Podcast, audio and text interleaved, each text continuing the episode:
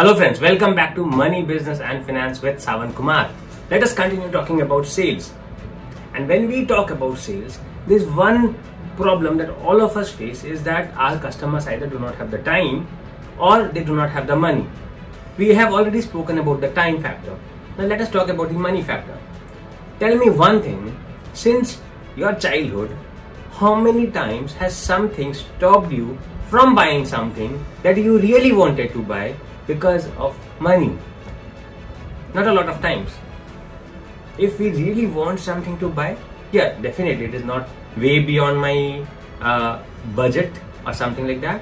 But if it is something that is within my budget and I can buy if I try a little, I do everything that I can do to buy that particular thing. It could be my favorite car, it could be my favorite bike or whatever it was.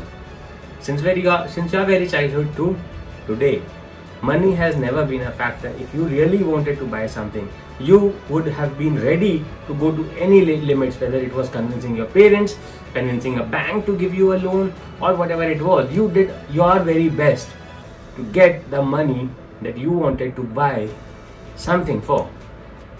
So that is exactly the same with your customers. There is never ever a shortage of money. But if you say this to yourself, the moment you are out to make a sale, if you say this to yourself that yes, it might be that the customer does not have money. Yes, it is quite possible because the time is not good, it, the economy is not doing well, there is a recession. If you, if you say all of these things to yourself about the money problems, then it would not come as a surprise to you when the customer says you that and because you are already sold on the fact that the customer might have money problem the moment he gives you that objection that he does not have the money to buy the, your product you accept that objection and you take it for real and you believe that he does not have the money even though your product is good even though you he wants to buy your product but he does not have the money and you just lose the sales. When the very fact is that he is not ready he is not willing to put an effort to get the money that he needs to to buy your product because he does not consider it of that value. You need to understand as a salesperson that the thing is not of enough value that the customer would go beyond his limits maybe if needed to buy the product. If it is about taking a loan going on an emi going on a debt or whatever it is if he considers your product to be of that value to him he would money would not stop him from buying that thing. Money would actually be the last thing that would stop him from buying that thing. If he is in if he considers it to be of value if he is all in about buying the product he will buy the product. There's nothing that can stop him except you. You need to stop saying, saying this to yourself that customer does not have the money.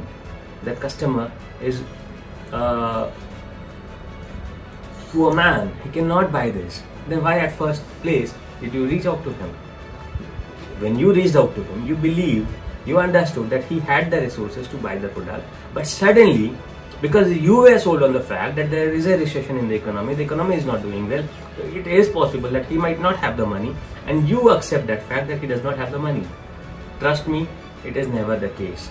There is always enough amount of money outside it is all dependent it is all based on what we believe as salesmen that the money is available or is not available. If i believe that the money is available i will do everything under my part to make sure that the customer gets the money that he needs maybe in terms of finance maybe in terms of a debt or whatever it is but either i will make sure or the customer will make sure to go to any limits to buy that product if he really needs it.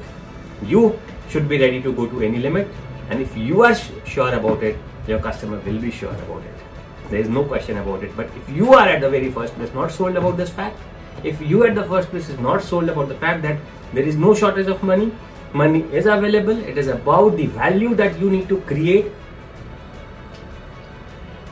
you won't make a sale. Make sense? Great. So ask me of any questions.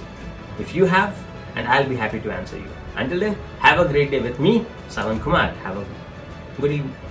Bye bye.